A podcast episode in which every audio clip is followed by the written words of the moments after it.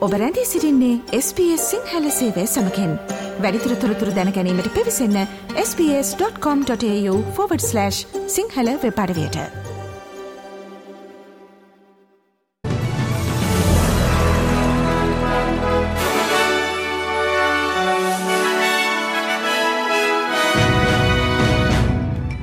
අද මාර්තු මස පළවෙනදා SBS සිංහල පුවත් ගෙන එන මම කවින්දයා උමයංගනී චන්ද්‍ර සෝම. බටහිර වික්ටෝරියා ප්‍රාන්තයේ නිවාස සීයකට අධික සංඛ්‍යාවකට තර්ජනයක් එල්ල වූ ලැවගිනි තත්ත්වයට හේතුව විමර්ශනය කිරීම මේ වන විට ආරම්භ කර තිබේ. ප්‍රාන්තයේ බැලරට් ප්‍රදේශයෙහි දකුණු දෙසින් පිහිටි ඩෙරිල්හි ඇති වූ මෙම ලැවගින්න බදාදදිනයේ පැවති උෂ්නාධික කාලගුණික තත්ත්වය සමඟ පැතිරුණු බව වාර්තාවේ. ඉමර්ජන්සි මැනේජ්මන්ට් වික්ටෝරයාහි කොමසාරිස්වරයා පවසන්නේ ඒ වන විට අවට ප්‍රදේශයේ අකුණු සහිත කාලගුණික තත්ත්වයක් නොතිබීම හේතුවෙන් ගින්න හිතාමතාම දැල් වූ එකක් ලෙස සැක කරන බවයි. We know that there was no dry lightning around at the time. Don't believe there was any uh, tractors or other machinery working in that area at the time.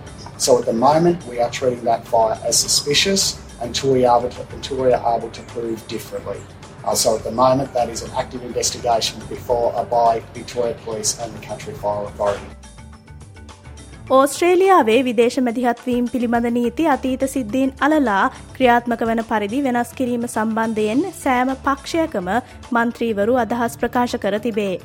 මෙම නීති හරහා විදේශීය ඔත්තු බැලීමේ සංවිධාන හා සම්බන්ධයයි සැක කෙරෙන හිටපු දේශපාලනඥයෙකුට චෝදනා එල්ලවිය හැක. දෙදහස් දහට වර්ෂයේ අගභාගේ සිට බලාත්මක වූ නීති නැවත සකස් කිරීම පිළිබඳව සාකච්ඡාවකට විපක්ෂනායක පීට ඩටන් ප්‍රසිද්ධිය සහය පල කර ඇත. මේ අතර අප කීර්තියට ලක්ව සිටින දේශපාලනඥා නම් කරන ලෙස දැඩි බලපෑම්ද එල්ලවෙමින් පවතිී. ඒසිෝ අධ්‍යක්ෂක ජනරාල් මයික් බර්ජස් පවසන්නේ එලෙස නැවතත් එකම වරදෙහි නියලෙන්න්නට ඔවුන් අනුවන නොවන බැවින් ඔවුන්ගේ අනන්‍යතාවය හෙළිකිරීම අවශ්‍ය නොවන බවයි. Not going to name the individual. Um, we're a rule of law country, and if they're not doing it now, they're not breaking the law. I don't think they'll be stupid enough to repeat what they've done in the past. So, problem neutralised. සංවිධානාත්මක අපරාධ කණ්ඩායම් සඳහා vapour වෙළඳ සැල් ලාබදායි ආදායම් මාර්ගයක් බවට පත්ව ඇති බවට චෝදනා කරමින් රජය වේප් විරෝධී ස්ථාවරයට එළමීම වේගවත් කර තිබේ.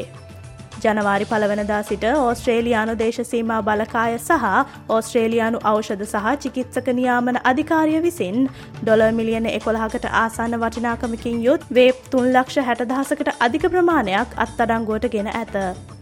සෞඛ්‍ය අමාත්‍ය මාක් බට්ල පවසන්නේ එය වැඩි වශයෙන් අපරාධ කල්ලි විසින් පාලනය කරනු ලබන වෙළඳ පලක් බවත් එම ආදායම මද්‍රව්‍ය අලවිය සහ ලිංගික ජාවාරම් වැනි අනෙකුත් අපරාධ ක්‍රියාකාරකම් සඳහා අරමුදල් සම්පාදනය කිරීමට භාවිතා කරන බවය.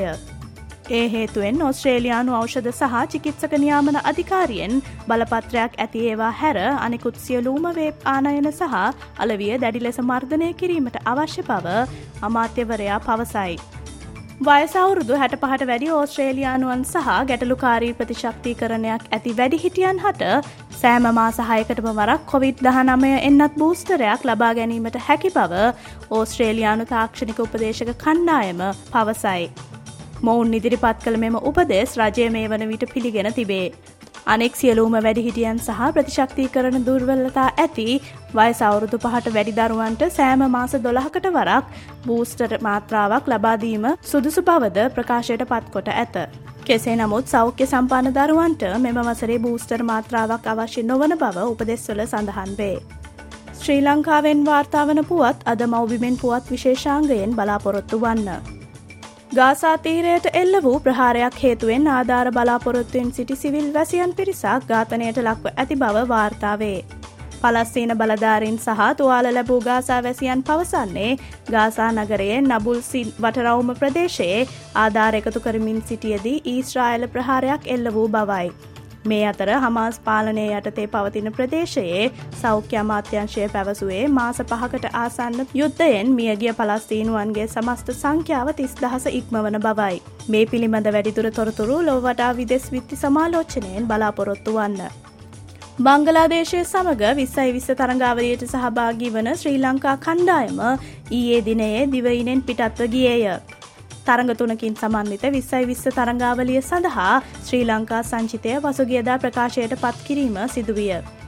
ශ්‍රී ලංකා විස්සයි විස්සනායක වනිදු හසරංගට තරඟ දෙකක තරඟ තහනමක් පැනවීම හේතුවෙන් මෙම තරංගාවලිය පළමු තරඟ දෙක සඳහා චරිත් අසලංක කණ්ඩායම් නායකත්වය දරයි. දෙරට අතර පළමු විස්සයි විස්ස තරඟය මාර්තු හතරවනදා ආරම්භවීමට නියමිතයි. මේ පිළිබඳ වැඩිදුර තොරතුරු සතියේ ක්‍රීඩා තොරතුරු විග්‍රහයෙන් බලාපොරොත්තු වන්න.